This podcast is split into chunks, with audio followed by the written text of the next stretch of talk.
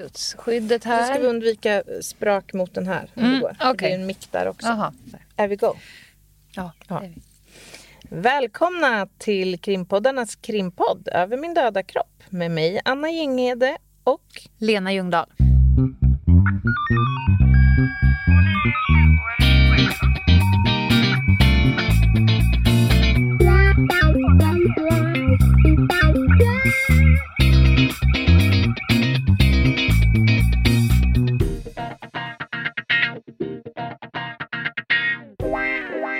Fort tiden går.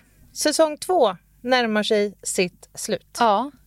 Och vad händer första avsnittet säsong tre som kommer nästa torsdag? Oh, Då åker du på en rap. då åker det på en rap. Kan man förvänta sig någon form av upplevling? Det kan man. Man kan förvänta sig fler involverade personer. Oj! Jag drar det dit. Alltså, är det här något du vill berätta om redan nu eller kommer det som en Nej, överraskning? det kommer komma som en överraskning. Men du kan tänka, Stråkorkester. Du kan tänka panflöjt. Dana Dragomir. Men gud, det är otroligt om hon skulle gästa podden ja. och dra av en rap. Ja. Med, om hon och, rappar? Eller ackompanjera en rap ja. med panflöjt. I det här läget jag tycker är all... jag ty... I det här läget är allting möjligt. Jag stänger inga dörrar. Nej, det vet jag att du inte gör. Nej. Nej, men det här ser vi fram emot. Jag tänkte så här, vi körde ju PDV förra veckan. Mm. Pågående dödligt våld. Yes. De här äh, enormt hemska situationerna när det finns gärningspersoner som bestämmer att så många som möjligt ska skadas och dö på den här platsen. Av olika anledningar. Vi fick härlig respons på det tunga ämnet. Ja, men vi fick det och det är ju alltid lite läskigt att ge sig in på, eller dra av ska vi väl snarare säga, ämnen som är läskiga. Men faktum är ju så här att vi kan ju ganska mycket om sådana ämnen. Så Ja. det blir konstigt om vi inte skulle prata om det och samtidigt så är det ju så himla viktigt att folk får ökad kunskap. Men jag måste säga att jag tycker också det har varit enormt positivt och härligt att se att ändå många har orkat lyssna och uppskattat det. Ja. Jag tror att vi här eh, i de här ämnena gynnas av att både du och jag står ganska stadigt när det blåser. Ja, och sen att det är lite torrt och sådär, men att tänka att kunskap är ju faktiskt lite makt också. Ja. Alltså, om man vågar närma sig ett svårt ämne och få förhöjd kunskap om det, då är det lättare att faktiskt ta kontroll den dagen man hamnar i en situation där man exponeras för det här svåra, jobbiga. Eh, vi hann ju inte riktigt klart Nej, kände jag. Och jag såg det också på reaktionerna för Mm. att det kom följdfrågor. exakt. Så att därför så har ju du och jag bestämt oss för att vi kör en Vi part kör two. en part two. Helt rätt. Och vi kom ju egentligen så långt förra veckan att vi beskrev vad PDV är. Mm. Vem det är som utför såna här attacker. Mm. Vi beskrev hur polisen arbetar. Vi pratade lite om mental förberedelse. Och att man faktiskt måste förbereda sig. Och Mm. då är vi tillbaka på makt. För forskningen visar ju på att om du är förberedd på hotfulla saker så har du också en större möjlighet att påverka Mm. din egen, Utfallet. utfallet av det.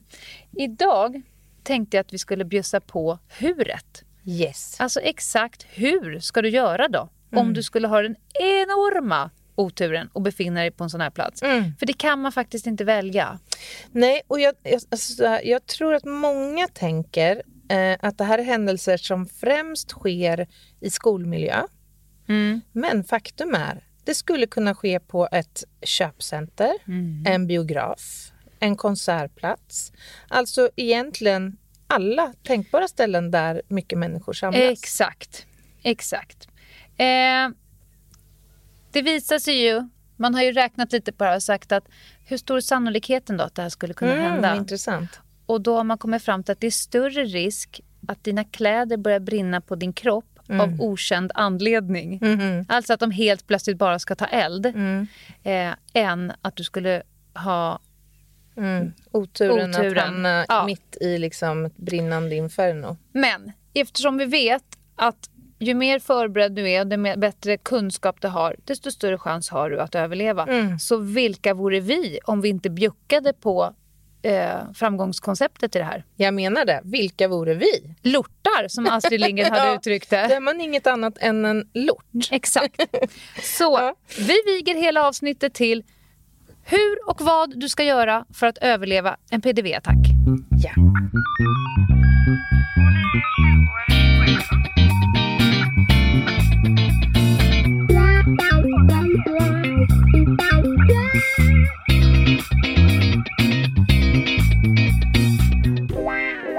Pratade förra veckan om att fram till att polisen kommer till plats. För att polisen de har eh, arbetsmetoder, de har utrustning, de har taktik, de har mental förberedelse. De flesta PDV-attacker är över inom 15 minuter. Och fram tills polisen kommer eller någon annan erbjuder den här eh, viktiga konfrontationen så ska du försvåra för gärningspersonen, fördröja händelseförloppet och köpa dig tid. Eh, på film, om man är jagad, då springer man ju alltid igenom köket och sen välter man olika Ja, typer av tallriksvagnar precis. bakom sig. Mm. För att försvåra Ja. för den som kommer efter. Och du sa ju förra veckan det här, det här kopplar vi till mycket polistaktik, att lägga processer. Att mata på processer på den andra så att den får det svårt och underlätta för sig själv. Mm. Mm. Eh, det är därför poliser är lite jävliga. De kan ju släcka lampan så, att du, så att personen inte kan se dig. Precis. Eller tända ficklampan rätt i plytet på Ja. den man ska prata med. Det är också Exakt. lite besvärande.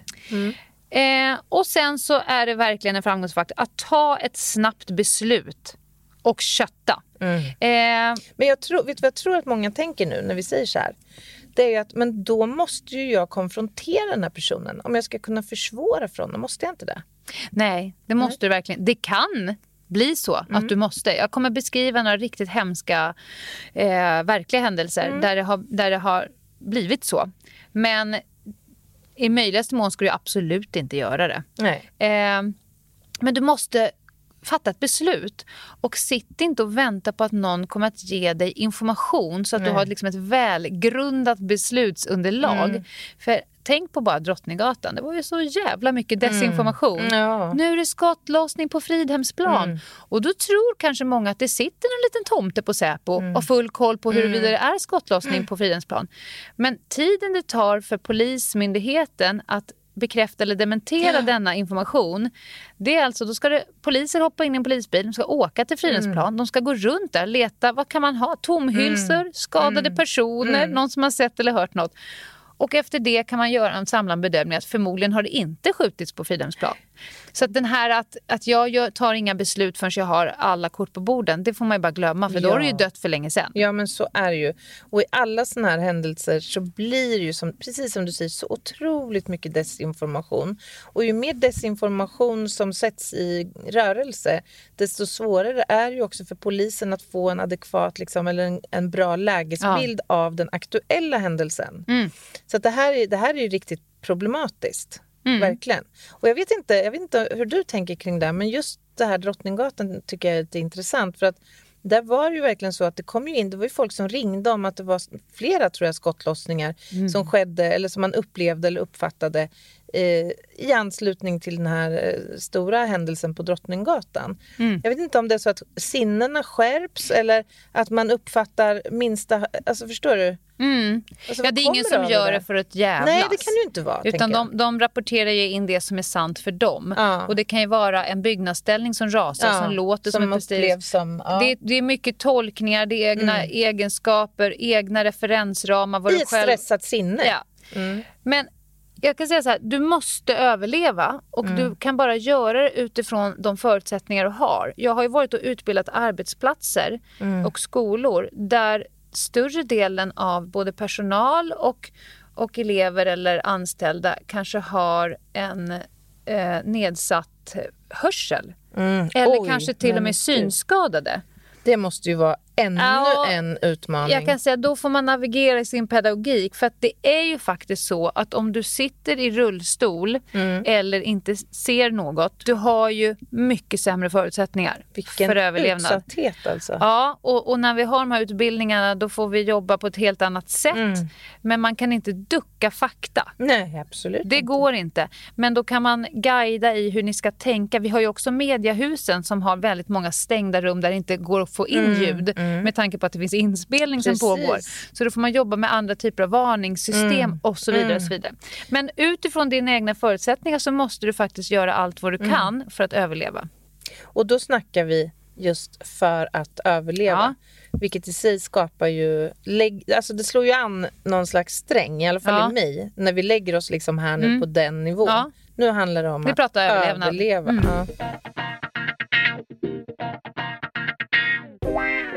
Polisen har ju riktlinjer, Mm. tips. Och det, jag ska säga, det är lite lika världen över. I USA heter det Run, Hide, Fight. ja. I England heter det Run, Hide, Tell. De lägger sig på en annan nivå. Eh, svensk polis tror jag säger eh, fly, sätt dig i säkerhet Och fäkta. och larma. Larma. Nu har vi pratat med polisen. Vi bara, det här med nödvärnsrätt, att slåss, det är ingenting ni jobbar med för, för gemene man. De säger att men det är självklart, alla har ju rätt till det. Men vi kan inte gå ut med de riktlinjerna. I. Sverige har man tagit det beslutet. Eh, därför att då kommer ju polisen få skit igen. Bara vänta, ska jag slåss med gärningspersonen? Det är väl ni som ska göra det? De var liksom rädda för Mm, den jag förstår, grejen. jag fattar. Men jag kommer eh, gå igenom de här metoderna som vi lär ut och jag vill bara säga om det är någon som är extremt evidensbaserat känslig. Allt vi säger nu är baserat på internationell och nationell erfarenhet och forskning. Jag grundar tutti frutti i vad Nationellt taktiskt råd, alltså Polismyndigheten och Säpo ihop. Det här, är ingen, det här är ingen egen känsla eller någon form av best of Nej. eh, vi, oss. Nej, utan det här är så det är. Mm. Och vill man vara faktaresistent så får man vara det på annan plats.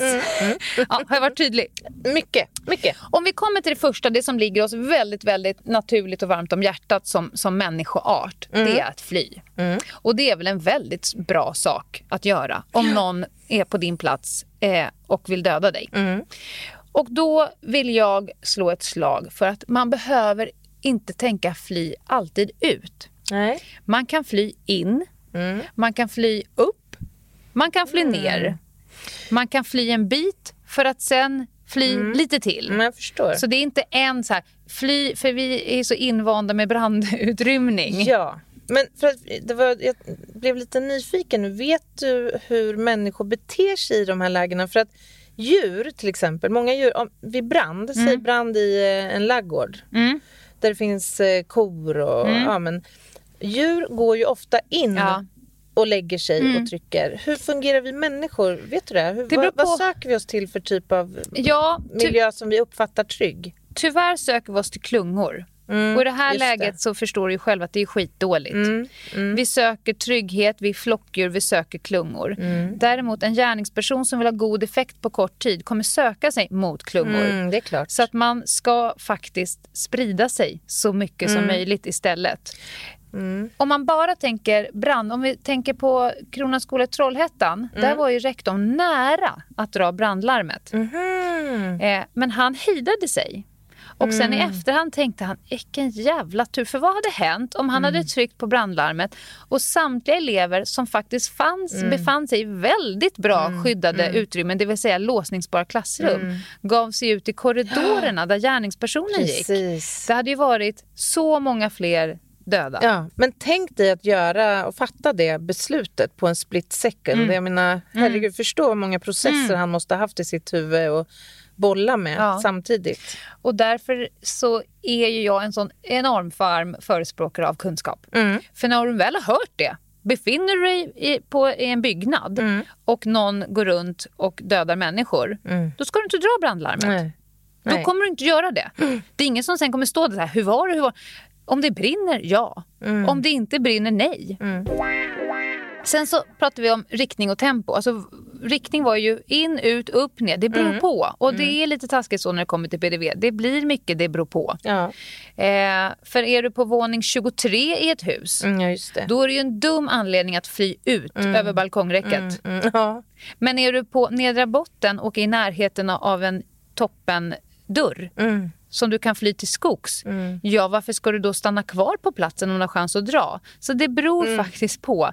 Men när det kommer till tempo så är det ett högt jävla tempo Mm. som gäller. Du ska springa ditt snabbaste och du ska inte ställa dig tillsammans med dina kollegor i en kötthög vid den lokala flaggstången och bli inräknade. Utan vi pratar fly så långt du kan och så långt Mm. du orkar. Jag, det slår mig nu, den här, kommer du ihåg Vattenfestivalen när det här JAS-planet Ja. eh, gick ner Mm, på på Långhol- Långholmen? Då vet jag, eh, en kollega till mig befann sig där Mm. privat. Eller, han- var inte i tjänst. Men han gick ju in i tjänst när det här hände för han stod så himla nära. Mm. Och han sa att det var ju ett antal hundra personer som stod och tittade upp mot skyn då när det Mm. här hände. Och på bara, alltså på mindre än en minut så hade hela den här stora folkmassan gått samman. Mm. Alltså som att man söker trygghet och stöd hos den som man har närmast sig Mm. och att gruppen tillsammans ändå är det viktigaste för ens överlevnad. Och det i- har man ju rätt i. Ja, det är ju det. I alla andra fall. Ja, ja men så är det ju. Så Ja. jag tänker att i en sån här situation när man är så, blir så primitiv av stressen så är det ju väldigt lätt att Mm. hamna där i att göra den tankevurpan. Eh, att tillsammans är vi starka grejen. Liksom. Medan här handlar det om att övervinna den instinkten Mm. och faktiskt agera själv. Och då är det ju viktigt att höra personer som kan det här säga det. Att sök inte klunga. Mm. Sök egen plats. Eh, och sen så, eh, jag har läst ju så mycket rapporter om det här men eh, det här, om man nu skulle ha, se att någon har frusit i is, att bara står. Mm. Vi pratade om den här tombolan förra veckan. Ja, just det. Eh, så vill man ju dra igång hjärnan. Man kallar det att man vill få den i problem solving mode. Mm. Och den hjärnan har lättare att dra igång systemen, tankeprocesserna, om kroppen är i rörelse. Mhm. Så även om du inte vet vilket håll som är rätt, du vet knappt vad som är in eller ut. Det, såg vi, det var ju någon bomb eh, på någon flygplats. Då kunde man se när det smällde, Mm. då kunde man se på människor att de kunde inte lokalisera sig. Alltså de visste, jag är Nej, på en plats för precis. första gången. jag vet. Ja, exakt. Mm. Men om du då börjar röra dig fram och tillbaka, nästan som Dr. Baltasar Mm, som går fram och tillbaka. Ja, han går ju av en anledning. Mm, Han tänker bättre om han är i rörelse. Och det är för, samma sak här. Och det kan man se lite på idrotten de står och vevar armar och ben. Mm. Jag menar. Mm. och poliser som är väldigt, väldigt trängda, att hela tiden ha igång knäna. Det är lite så tics som man Ja. har. Och det är mycket kopplat till att hjärnan inte ska stanna. Utan man behöver liksom röra sig. Så att ser man en person som fryser fast, det kan faktiskt till och med räcka att gå dit och börja ta i Ja, deras armar och ben. Knuffa på dem så de kommer liksom igång. Ja, just det. Eh, och sen var vi inne på det här moralblocket. Vilka ska skyddas och vilka ska räddas? Mm. Eh, vi pratade lite om det här att man, man kommer rädda sig själv och sin avkomma. Vi Ja. Mm. fick en fråga på det. Varför är det så? Så forskningen visar det gång på annan. Att, och dessutom sitter empatin sitter i din ehm, frontallob. Mm. Och den har ju ingen sidor nu berättar vi förra. Så att du blir lite mindre charmig än vad du tror. Men jag tror att en rimlig förklaring till det här att man, om man räddar någon, att det är ändå ens avkomma. Det tror jag kan förklaras av så enkla saker som anknytning. Alltså den här, det här emotionella anknytningsbandet som har grundlagts liksom från födseln eh, hos sitt, mellan barnet och dig själv som i det här fallet mamma då. Eh, och att det är ju, hela syftet med den anknytningen är ju för barnets överlevnad. Ja, artens överlevnad. Ja, och precis. I förlängningen. I förlängningen, ja. Men jag kan berätta en... Jag blev osams med en tant. Jag Mhm. höll en föreläsning. Precis när vi kom på ämnet jobbade Mm. i en miljö där eh, personalen anknyter väldigt mycket till de som är Mm. där. Snudd på att de nästan ser samtliga i den här organisationen eller miljön som sina avkommor. Mhm. Och jag sa det, jag hör vad du säger och förmodligen så kanske ni tillhör kategorin de som kommer kämpa lite längre Mm. och göra lite mer. Av den enkla att ni har sökt er till ett yrke som handlar väldigt mycket om omsorg och Mm, omhändertagande. Men så hade vi en övning. Mm. Eh, där jag utsatte dem för lite tuffheter på slutet. Och Då skulle de öva på det här med att fly och gömma sig och så. Och Sen så sa jag att här kommer snart en dörr öppnas. Vi var alla var inne i liksom deras matsal, lunchmatsal. Mm. Kommer öppnas en dörr. Min kollega Gabriel kommer komma in. Han kommer Mm. ha en balaklava på sig. Han kommer skrika och låta elakt. Mm. Ingenting annat kommer hända. Det kommer inte smälla. Jag har inte liksom, det är inga överraskningsmoment. Utan det enda som kommer hända. Mm. Och jag vill att ni övar på att snabbt lämna platsen och sätta er i säkerhet. Intressant. Varpå jag ser den här kvinnan Marianne kasta sig in i köket på ett väldigt bra sätt. Hon nästan Mhm. glidar över disken in till köket, kryper Mm. in i ett utrymme. Jag tänker så här, men hon, hon har gjort allt vad hon kan nu. Jag tror till och med att hon fick med sig en sax in. Mm. Oj. Hon var liksom redan, utan att jag sagt det, så var hon redan i steget, Mm. vad gör jag om man kommer? Ja, då har hon börjat göra sig beredd för strid. Hm. Bara att efter henne så rusar hennes kollega sedan 20 år tillbaka Nej, ja. in i samma utrymme. Och vad gör Marianne? Sparkar ut henne. Mm. Så det är ett ganska milt stresspåslag jag har lagt på. Jag har beskrivit precis vad situationen går ut på, vad som kommer hända. Och ändå det här med att hjärnan inte kan skilja på övning och verklighet. Så hon kom fram till mig, hon bara Alltså jag sparkade ut Berit in i döden. Ja, tänk. Ja, sa jag. Och det gör dig väldigt mänsklig, Marianne. Du fungerar i princip precis som du ska. Som- även om ja. det är en, en tråkig eftersmak och det kanske är utrymme för teambuilding. Eller något. Ni kanske behöver prata om Ja, det här. exakt. Vi rullar apelsin. Vem är kungen i djungeln? Nej, Uh, okej. uh, ja. Eh, jag tänker så här, lokalkännedom måste väl ha viss betydelse i de här sammanhangen?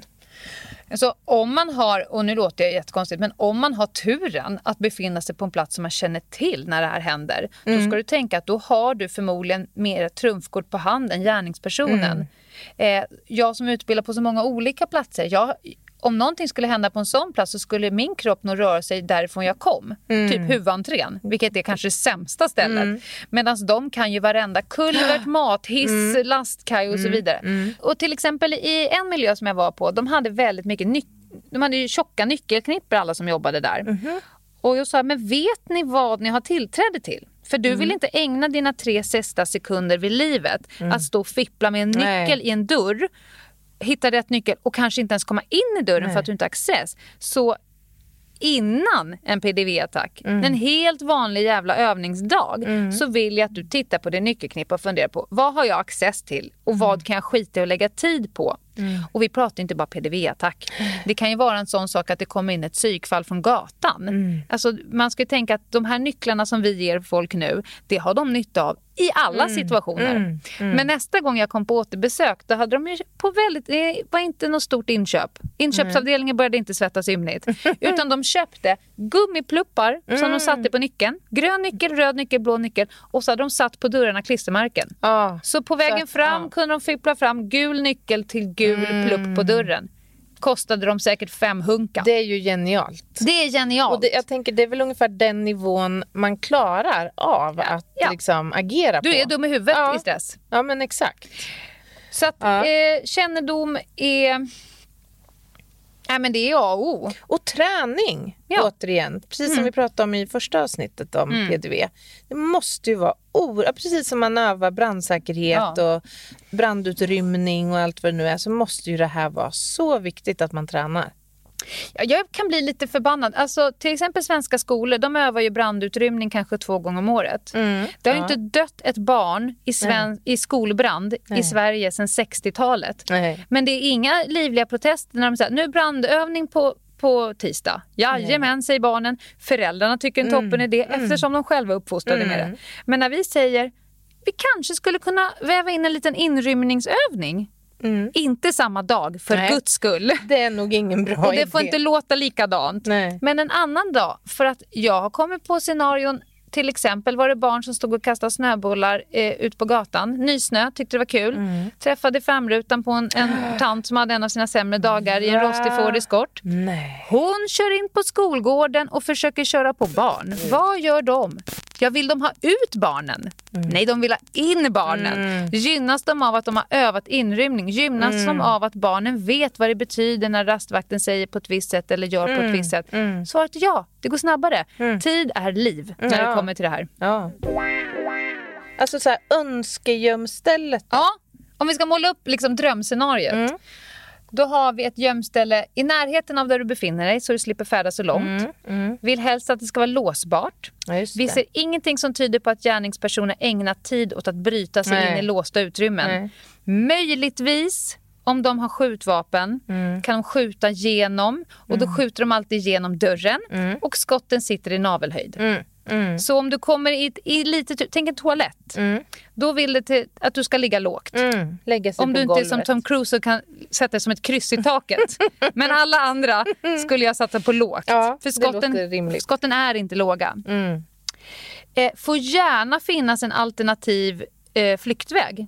Mhm. Alltså om du hittar ett gömställe som går att försluta Mm. men om personen skulle, det kanske inte går att försluta. Nej. Låset är trasigt Mm, eller det är bluppsystem eller någonting. Då är det jättebra om du har ett alternativ till. Mm. Ett fönster. Ett eller... fönster eller en dörr. Eller, Mm. Det var någon skola, om det var i USA eller om det var i Sydamerika, kommer inte ihåg. Men där de hade hoppat upp, du vet såna här takplattor som man kan flytta på. Ofta i svenska Mm. Mm. kontorslandskap. Tryckt in tre barn i en, i en fläkttrumma. Oj. Och sen lagt på plattan igen. Mm. Det är ju briljant. Jag tänker på de- den här teatern i, nej, konserten eh, i Bataclan. Bataclan, ja, Mm. tack. Kommer du ihåg, det var ju en kvinna som slängdes ut genom fönstret Ja. där och blev hängandes Ja. på ganska Ja. hög höjd. Yes. Man förstår ju lite grann vilka options man har om man väljer det Mm. För att stanna på Mm. insidan. Mm. För du är ju på intet sätt säker där du hänger Nej, 15 meter eller men vad det kanske var. säkrare. Men precis, Men förstå den sinnesnärvaron och så här, Mm. Ja. jag slänger mig ut och hänger på utsidan Ja. i stupröret här Ja. för det är säkrare än att vara på insidan. Då förstår man Det lite räddade grann. hennes liv Ja, det förmodligen. gjorde det säkert. Mm.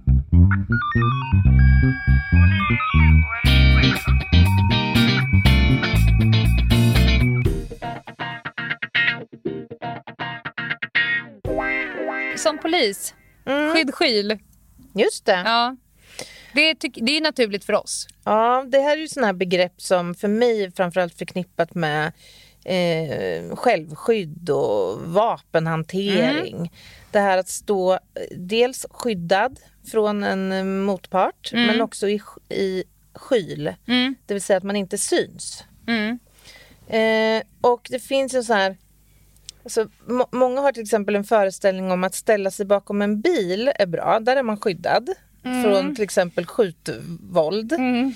Vilket vi som är poliser vet att man inte är. Nej. Det finns egentligen en del på en bil Ja. som stoppar, har förmåga att stoppa Mm. upp.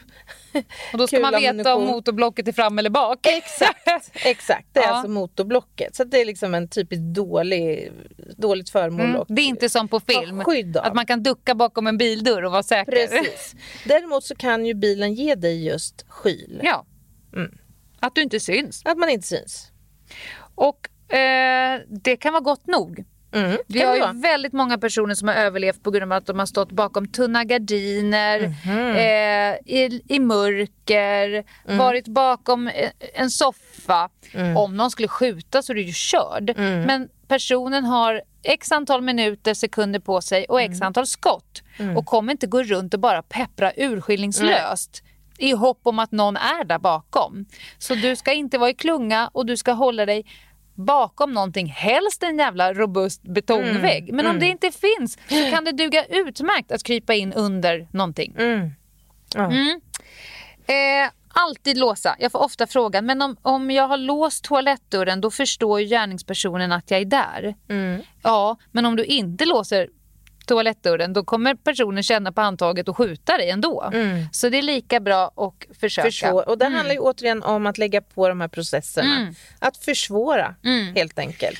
Och ibland är det så, jag har en, min vidrigaste film, jag ska försöka beskriva den, men en sekvens där tre personer springer i en korridor ifrån en person med skjutvapen. De, sladd, de vill inte springa den här långa korridoren för de ser att de är liksom en levande måltavla. Samtliga tre sladdar in höger in i ett kapprum. Mm. Mm. Första personen tar första toaletten, låser. Andra personen tar andra toaletten, låser. Tredje personen, en kvinna som är lite långsammare, hon börjar rycka i handtagen. Och i de allra flesta fallen är det ingen som kommer öppna. Nej. För nu är vi nere på liv och död. Mm. Och hon kan inte gå ut igen, så hon slänger sig bakom en kopiator eller något annat tekniskt pryttligt där. Mm. Gärningspersonen går förbi, han stannar till vid kapprummet, tittar på ena dörren, andra dörren som att han ser så här, okej där är låst, där är låst. Han går inte ens in och rycker handtagen. Går vidare, sen ser man på sekvensen hur han tvärnitar. Går tillbaka, går in, rundar kopiatorn och skjuter kvinnan i huvudet. Nej. Och då visar det sig i efterhand att det var hennes telefon Nej. som ringde. Så jag vill Fy. att om du befinner dig på en skitdålig plats och Mm. har gömt dig, fimpa telefonen. Ja, för, för jag tänkte på det där tidigare när vi pratade skolmiljö och Ja. skjutningar i skolmiljö. Eh, många barn har ju telefon och det första de kommer att ta med sig om de tvingas att eh, dra från klassrummet så att säga, det är sannolikt telefonen som ligger i skolbänken. Ja, den sitter ju fast på dem. Ja, den gör ju det. Och den, deras första instinkt kommer vara att ringa mamma eller Ja. pappa. Det kommer de göra och det kommer rendera i två saker. Mamma och pappa kommer komma dit. Mm. Polisen kommer få ett helvete för de kommer ha väldigt många inrusande föräldrar som säger jag hör vad du säger, det är avspärrat men flytta på jag ska hämta mitt barn. Jag hade reagerat exakt likadant. Ja. Men du får inte ringa någon annan på platsen. Du får bara ringa 112 från din telefon. Eh, för att du kan ringa din kollega eller kompis rakt in i döden. Du vet inte var folk befinner sig. Det finns vissa arbetsplatser och skolor och andra miljöer som har tänkt att vi skaffar något fiffigt PDV-appsystem där det går ut någon form av larmsignal på samtliga telefoner om någonting händer. Alltså du vet ju själv hur lätt du kom ut på nätet. Det gick ju inte att ringa efter Drottninggatan Nej. överhuvudtaget. Plus att telefonen ska vara gärna flygplansläge fort som tusan. Mm, mm. Eh, så skapa tystnad och det, du kanske får hjälpa din kompis att vara tyst. Kompisen kanske har en skottskada i benet Mm. eller eh, gråter eller någonting annat. Mm. Och då får man använda den kreativa ådra man har för att Mm. försöka få tyst på en person. Det kan handla om allt om att klappa på den till att typ stoppa in en strumpa i munnen. Ja. ja, precis. Det finns folk som har överlevt på grund av att polaren precis när gärningspersonen kom sänkte sin polare Ja. med ett slag i huvudet. Ja. Vi behöver tystnad nu, annars kommer det skicka oss båda in i Otroligt. döden. Ja. Ja, Starka det är scener. starka, starka, starka Mm. scener. Oavsett om dörren går ut eller in, oavsett om den går att låsa eller inte så skall du bygga barrikad. Mhm. Och det är återigen försvåra. Det Mm. är svårare att tränga in ett rum om jag måste tränga mig förbi bråte. Mm. Bord och stolar och saker som ramlar och skramlar och grejar och donar. För att annars så gör du det så lätt för personen. Mm. Eh, så bygg barrikad och då tänker du så högt och mycket och robust det bara går. Om det går.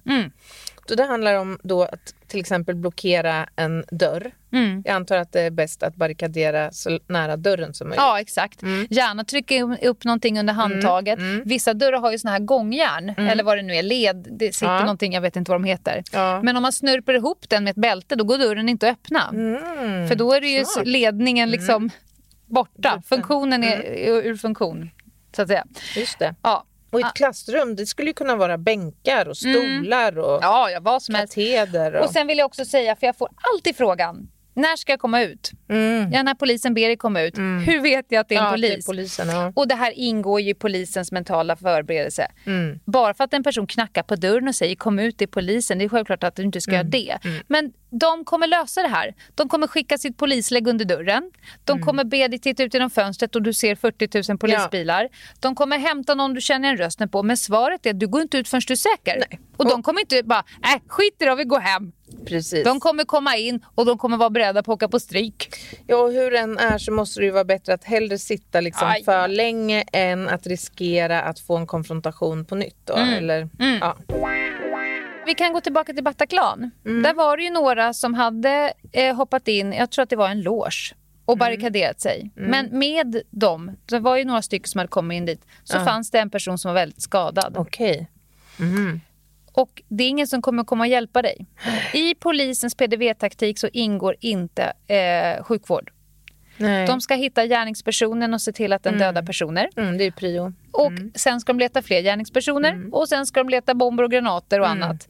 Eh, så att de kommer nästan, de, eller de kommer att kliva över personer som ligger och är skadade. Och det här är ju lite ett undantag från egentligen massa andra Ja. tjänsteuppdrag där prioriteringen alltid ligger på att ett rädda liv faktiskt. Men det här blir som förlängning här- av att rädda ja, liv. Se ja, till att sluta precis. dödandet. Exakt. exakt. Eh, vilket gör att ni, ni eh, som är i det här rummet, eller de som är, de kommer behöva rädda liv själva. mm. Och det är en kunskap som jag tror inte, för nu pratar vi inte HLR.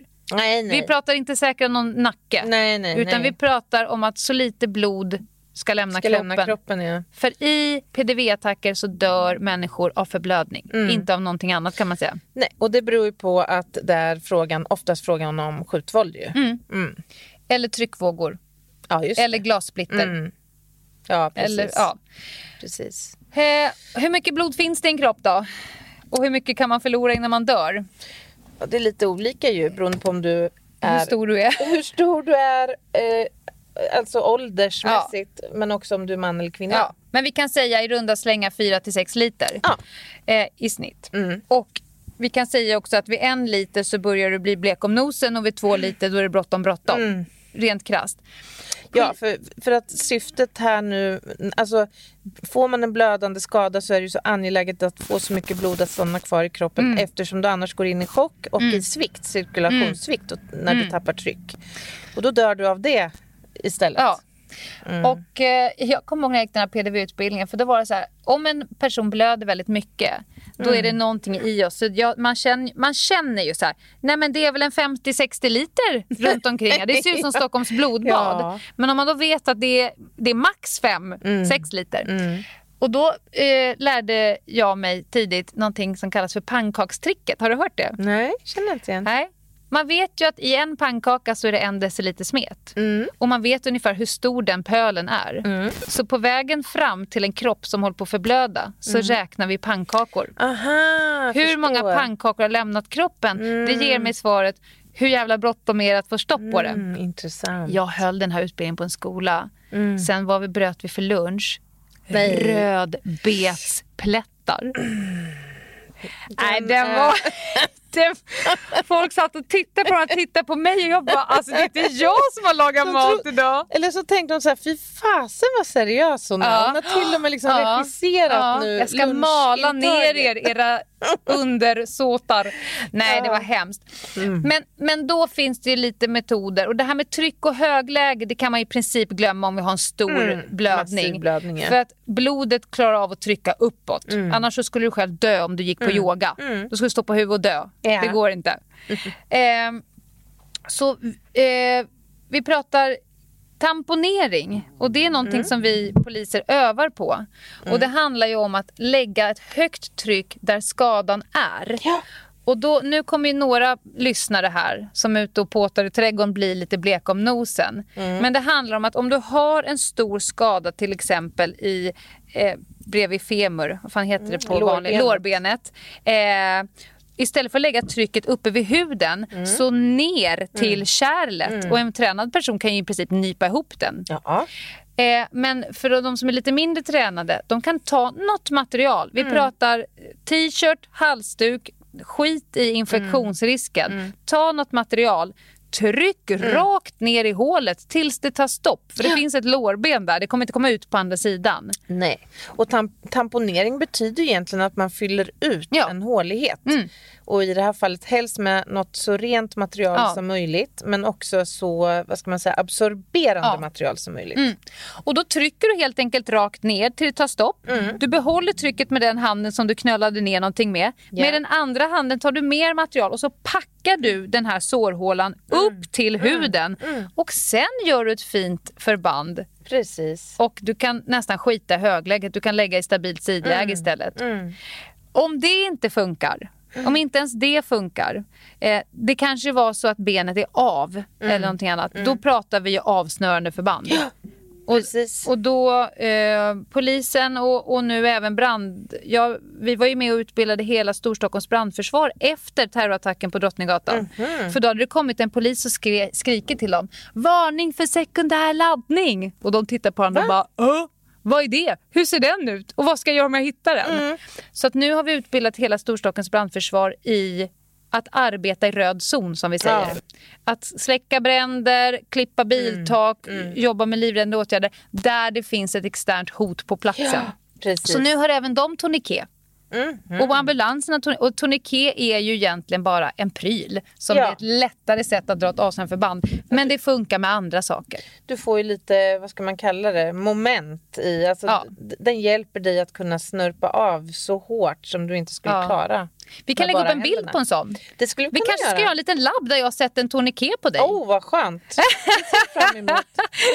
Av väl vald kroppsdel. Ja. 哇！Får man gå emellan med en lite rolig anekdot? Jag tror att vi behöver det nu. Ja, Mm. vi kör en sån. Nej, men sen när vi pratar om akuta sjukvårdsinsatser. Jag har ju varit en sån här person som på något sätt har ofta hamnat i situationer där någon har behövt akut sjukvård. Ja. Det har varit fall i rulltrappa på tunnelbanan. Jaha, av slump varit- alltså? Ja, det, helt plötsligt så står jag där när det händer. Fast dröm att ha dig på plats. Ja, det hade men kunde det- varit, vem fan, det kunde ju varit smygaren som var på plats. ja, jag menar det. Nej, men så här, fall i rulltrappan, någon får diabeteskänning och kollapsar på perrongen. Och, Ja. och vid ett tillfälle när jag bodde i Stockholm så hände en sån sjuk grej. För då fick jag göra två insatser på en förmiddag. På, I två olika insatser. Ja. Först så ska jag gå upp till, till en hyresvärd och, och skriva på ett kontrakt. Och på väg upp från tunnelbanan då ser jag att det ryker ur en lägenhet. Så jag springer in, bankar på, på lägenhetsdörren och upp kommer, eller öppnar gör en sömndrucken lägenhetsinnehavare som har gått och lagt sig och sovit efter att ha rökt inne, Såklart. slängt fimpen i en kartong med skräp som stod i Ja. vardagsrummet. Ja. Så att, ja, jag fick ju ut den här stackaren då innan liksom, det var fara och färde. Ja. Ringde, larma 112, brandkåren kom, allt det där. Ja. Ja. och, och han var ju så glad och tacksam för det här och jag gick vidare på mitt ärende. Och sen efter det så åkte jag ner till stan och satte mig vid Sergels torg. Ja. Och då på en bänk framför mig så ser jag en, en kvinna sitter som helt plötsligt bara donk så här, Jaha, rasar ner i Ja. bänken. Så det var ju så här, känslan då, ta upp telefonen, ringa 112. Hej, det är jag igen. Bara, Ja, hej. Jo, det är jag igen. Eh, Det var jag som ringde här för en stund sedan. Du, nu skulle jag vilja att du skickar en ambulans till Sergeltorget. Jag står här med min foliehatt på huvudet. ja, ja, herregud. Men, Men tänk är- ändå vilken mental förberedelse man har, som du hade sagt, beskaffat sig med Ja. under alla år som polis. Där man har varit och vevat runt i de här stresshörnen av hjärnan ganska mycket faktiskt. Exakt. Det är inte mycket som bekommer oss längre. Nej, precis. Och om man ska dra någon slutsats av den här då mindre allvarsamma ändå, eh, historien Mm. så är det väl just det här att det är ju såklart inte så att jag söker mig till de här situationerna eller att ingen annan fanns på plats. Men har man kunskapen om hur man ska agera så vågar man ju också göra det. Och här kan det ju vara Ja. otroligt obehagligt om någon då har en massiv blödning. Bara att närma sig det Ja. med sina bara händer, att gå ner och snörpa av och liksom verkligen hålla tryck. Jag har Det haft folk som ju- har svimmat på Ja. utbildningsdagen. Det är liksom inte givet. Jag hittade en snubbe, han sprang ut från lokalen och jag sprang ju efter. Tänkte att nu, här gäller det att inte släppa någon. Ja. Han låg som ett jävla kryss rakt utanför dörren. Och jag, likt Mr Bean, började nästan vifta på honom där. Hallå, hallå ja, hallå. Hallå, och då vaknade jag upp och så det första han säger så här. Jag svimmar vid alla tre förlossningar. Nej, nej, men bubben. Men vilken stabil liten Mm. varelse, tänker man bara.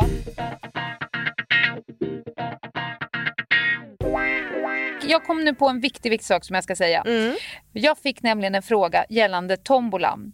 Har man en fallenhet för antingen flykt, kamp eller Mm, frys? och det vill jag verkligen säga. För det finns faktiskt några av våra lyssnare som har upplevt en fryssituation. Mm. Det var någon som hade frysit is när ungen satte bacon i halsen. Åh, och inte gud. gjorde en, en Heimlich. Nej. Och så får man det här. Det var tråkig information. Jag är en person Mm. som fryser. Nu har vi gett dem kunskapen om att tombolan kommer bara komma fram om du inte har svaren förberedda för dig. Mm. Men nej, du är inte någonting alls. Du kan tänka att varje gång tombolan åker fram så är du nollad. Mm. Det kan lika gärna bli kamp eller flykt nästa gång. Mm. Men har du upplevt en situation, till exempel att du har frysit is, då har du nu fått en ny referenspunkt i din Mm. exakt. minnesarkiv. Så det är mest troligt att du överhuvudtaget inte kommer behöva jobba med tombola nästa gång. Mm. Nej. Mm. För nu är du mentalt förberedd. Så att känn hoppet mina vänner. Ja då, hoppet finns. Hoppet finns. Ska vi prata om den här sista lite kontroversiella saken, om att slåss? Mm. Ibland, ibland säger folk till mig så här. men alltså slåss på riktigt. Varför skulle jag vilja göra det? Ja, det är klart som fan att du inte vill göra det. Mm. Men tänk dig hon kvinnan bakom kopiatorn. Jag tar Mm. oss tillbaka dit. Hon gjorde ingenting. Ingen skuggaskola falla på henne. Nej, nej. Utan hon stod på knä med händerna lite upp så här och så ser man Mm. hur hennes mun rör sig. Hon säger någonting. Men hon hade en, och det är bara en tänkbar chans Mm. kvar. Och det är att gå till motattack. Ja. Och några har sagt så här, måste ni säga slåss kan ni inte säga kämpa. Och jag blir Mm. på riktigt förbannad. Det är som att ta en bajskorv och rulla in den i strössel och tänka att nu är det inte Mm. Att längre än en bajskorv. Ja, precis, att nu är den kanske ändå lite god. Nu vart det en krokofant. Eller vad fan heter de där med, med, med flerfärgat strössel? Mm, nu vart det gott. Jag har alltid Ja, gillat bajs i strössel. Ja, jag ligger här och har lite spa. Nej, jag blir Nej, förbannad. Det handlar om att slåss för sitt liv för guds skull. Och det är det fulaste jävla slagsmålet man kan tänka sig. Mm. Nu ska vi säga så här. Varje människa har långtgående rättigheter att skydda sig själv och andra. Mm. Om man är utsatta för fara och färde. Ja. Och det här är den mest solklara situationen som jag kan komma på. Ja, alltså, du får snackar göra vad du vill. Ja, vi snackar ju alltså det yttersta våldet. Mm. Det finns inte liksom en nivå över den här nivån. Skulle personen snubbla och tappa sitt skjutvapen, då kan du ta upp skjutvapnet Mm. Ja, och skjuta, och skjuta. Ja, och du kommer inte bli dömd för det. Du kommer inte fundera på det där och då. Jag Nej. undrar om jag har lagstöd för det här. Nej. Men jag vill bara säga det att när vi har kommit hit, vi pratar ju liv och död. Vi pratar inte att du är lite, är lite kränkt. Eller att någon person är, tämligen dum i huvudet. Eller inte ens mycket dum i huvudet. Mm. Vi pratar om en person som har dödat personer och snart dödar dig. Då får du göra vad du vill med den personen. Och, och vi pratar ju också om en situation där det inte finns något utrymme för andra lösningar. Du kan inte verbalt nå den här personen, du kan inte förhandla med personen. Du, alltså allt det här är liksom för länge Mm. sedan förbi. Ja, för om du försöker kommer du dö. Jag sa i det förra avsnittet, den här personen är inte mottaglig, vill ingenting, Mm. inte kontaktbar. Jag vill inte ha en påse med pengar, jag vill inte veta vem du är eller om du är av kött och blod eller har barn eller någonting Mm. Nej. Mm. annat. Personen är helt ointresserad av dig som människa, jag vill döda dig. Och då måste du, och då är det några nycklar Mm. i det här. Du måste agera aggressivt, kraftfullt, du måste gå Du Överraskningsmomentet är måste din åka kompis motorvägen rätt ner till pungen. ja, till pungen. Du kan också åka motorvägen rakt in i ögonen. Mm. Du kan åka motorvägen till strupen. Ett hårt jävla slag på strupen är absolut på sin plats. Vi snackar alltså punkter som Ja. gör väldigt ont att Ja. få slag mot. Personer har starka reflexer. Blinkreflexen är stark, så mot ögonen. Fallreflexen är stark, så kasta saker på personen. Kasta er själva på personen. Ehm, och eh, skydda huvudet-reflexen är stark. Så om dörren går upp och det börjar rasa saker och det här överraskningsmomentet och få momentum med det, det är bra för den här personen, gärningspersonen, har sett människor fly, skrika, gråta och be. Helt plötsligt så blir det, när dörren går upp så ska personen förstå att jag gick in, jag öppnar fel lucka. Det är nytt. Den ska mötas av en sån massiv ljudmatta och kan man inte göra någonting annat så kan du skrika. Mm, exakt. Ljudet, mina vänner. Det är väldigt få personer som föder barn tyst. Ljudet gör dig själv starkare. Ljudet väcker dina polare som har frusit is. Ljudet lägger processer på gärningspersonen. Jag har ju hållit på lite grann med eh, brasiliansk jujutsu. Ja, just det. Ja. Och ibland möter man ju människor som inte kan hålla käft när de brasiliansk jujutsar sig. Och då märker jag hur min hjärna processar en sak till. Så jag kan, jag kan komma på mig själv ligga och hålla en fot och jag vet inte om det är min eller din. Nej, gud vad sjukt. Det är faktiskt Ja, sjukt. det är sjukt. Ja, och det enda som ändras är att någon pepprar ljud på mig. Mm, Vilket är fult. Nej, men, ja.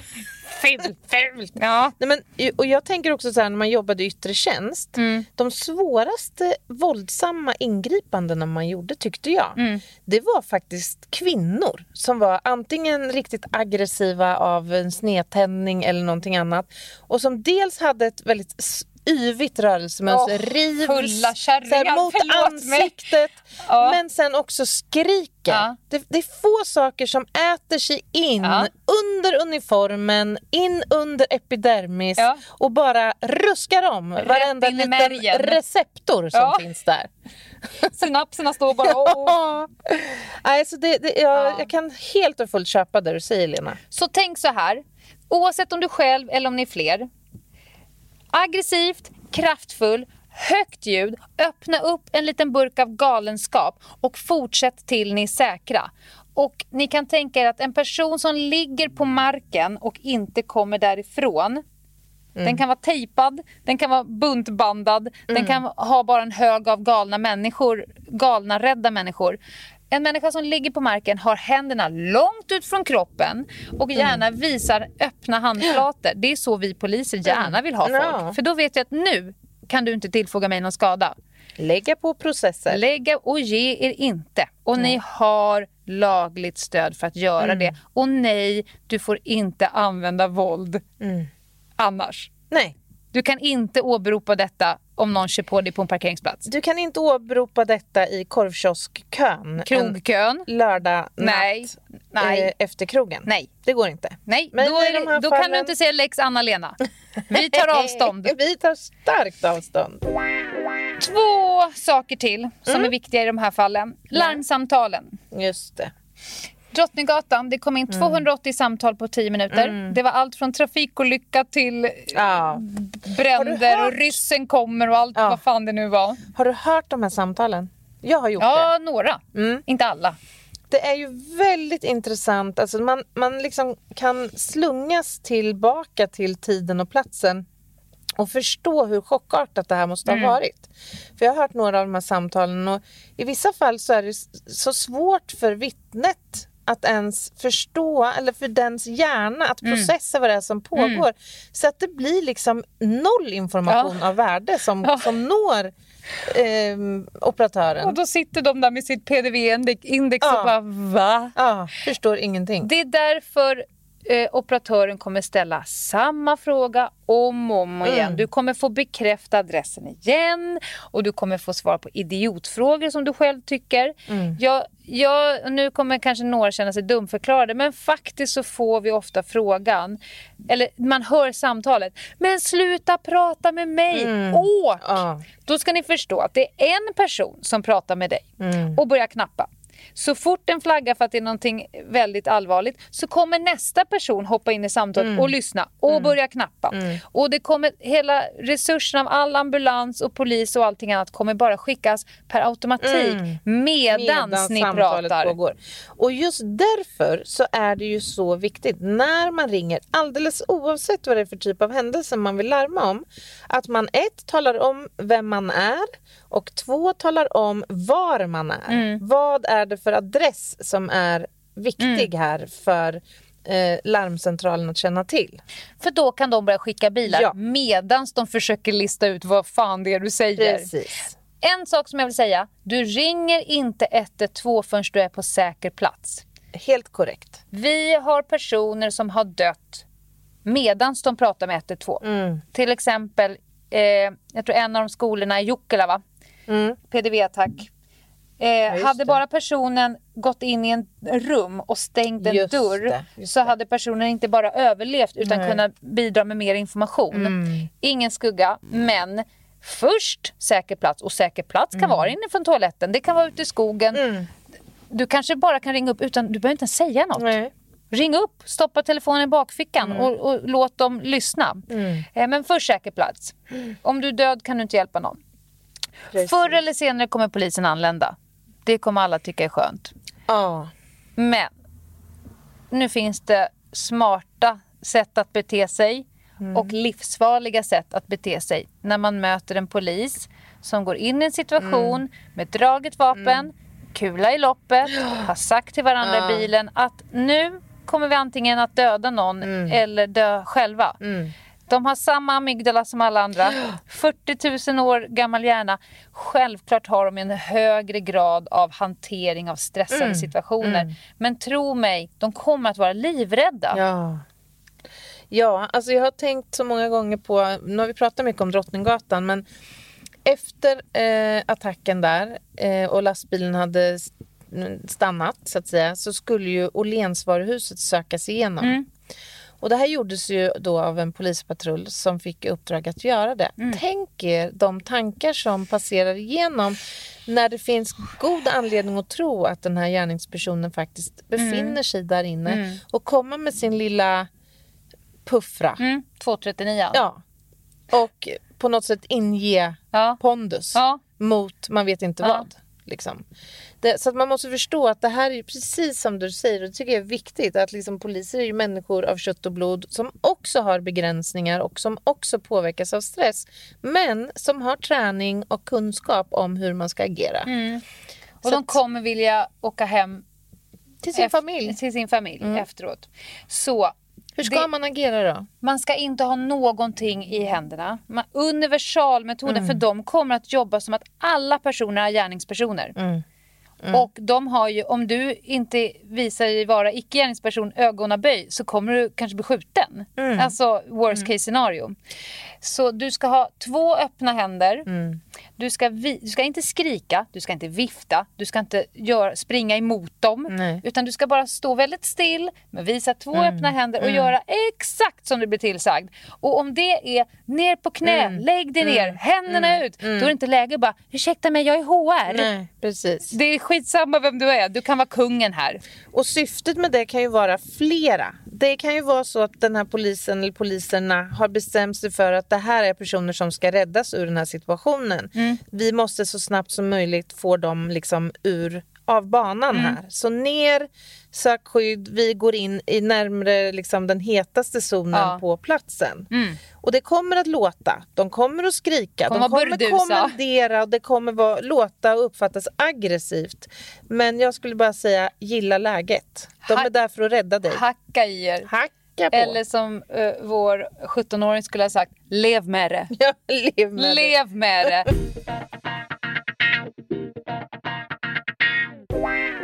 Men eh, att springa bakom personer som har skjutvapen och filma dem med sin mobil. För en mobiltelefon kan se ut som ett vapen. Absolut. En mobiltelefon kan vara mm. avtryckaren mm. till bombbältet. Ja, så att du har ingenting i händerna och du står jävligt still mm. alternativt springer ifrån mm. poliserna. Mm. Om du nu mm. måste röra på dig. Mm. Har vi något mer? Ja. ja. men alltså jag känner så här. Det är ju nästan för att vi får fundera på om vi ska dra till med en part tre. Jag tänker så här, man vill ju veta vad händer efter ja. den här händelsen. Mm. Säg att man nu har lyckats lokalisera gärningspersonen och han är, eh, ja vad säger man, av tillintetgjord kan vi säga. vi säger att man har hittat, man har lokaliserat gärningspersonen och lyckats tillintetgöra honom mm. eller henne. Mm. Eh, så, så kvarstår ju trots allt en mängd uppgifter här mm. att göra. Dels så kommer det ju strömma till anhöriga. Mm. Om, det, om vi nu går från att det är en sån miljö, en mm. skola mm. till exempel. Anhöriga kommer komma, media kommer komma. Vi kanske i värsta fall har ett antal avlidna här som mm. inte vi direkt vet vilka mm. de är. Vi kommer också ha ett antal skadade. Media kommer komma till platsen. Eh, det kommer mm. finnas gods och föremål på platsen. Blommor det, som ja, aldrig slutar blommor. komma. Det Vem tar hand om dem? Precis, det är en brottsplats. Ja. Det ska göras någon slags undersökning av platsen. Eh, ett försvinnande register kanske kommer upprättas mm. snabbt. Det ska katastrofregistreras. Alltså det här är då och liksom... återsamlas. Och återsamlas. Folk står ju inte vid flaggstången nu helst. Nej. Så frågan är, vi kan fundera. Vi kanske kör en faktiskt del tre. Så vi kör hela liksom, ja, processen. Jag, jag tänker också att vi ska prata väldigt mycket samverkan. För där kommer vi väva ja. in räddningstjänst. Ja akutsjukvården, prehospital, mm, sjukvård. Mm, absolut. Mm. Men jag tycker att eh, även det här avsnittet har varit otroligt intressant. Du är så jättekunnig och kompetent på det här området och jag lär mig jättemycket. Jag, och jag, jag gör bara en egen reflektion här Varje gång jag pratar om det så mm. blir jag förmodligen lite mer förberedd för mm. om jag skulle vara i en sån här situation själv. Sannolikt, ja. Och jag reflekterar ännu mer. Men nu tror jag att det är våran cue för Doris börjar, börjar drömma här utanför. Ja. Hör hon ligger och småskäller. Ja, ja. mm. Nej men hörni. Jag sammanfattar. Fly i första ledet. Yes. Om du inte kan fly så är gömma sig faktiskt också lika bra. Det beror på situationen. Om du måste och inte kommer därifrån, slåss för ditt liv för allt vad du kan. Hjälp andra så mycket du kan och så länge du kan.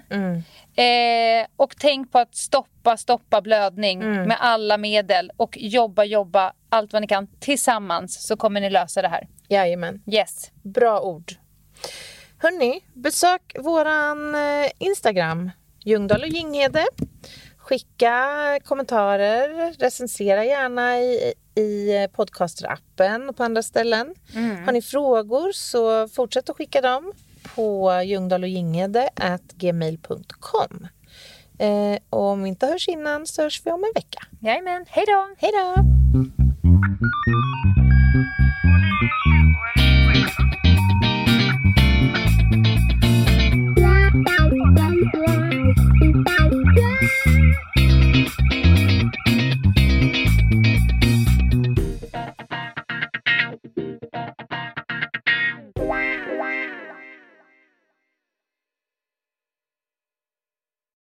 Ny säsong av Robinson på TV4 Play. Hetta, storm, hunger. Det har hela tiden varit en kamp.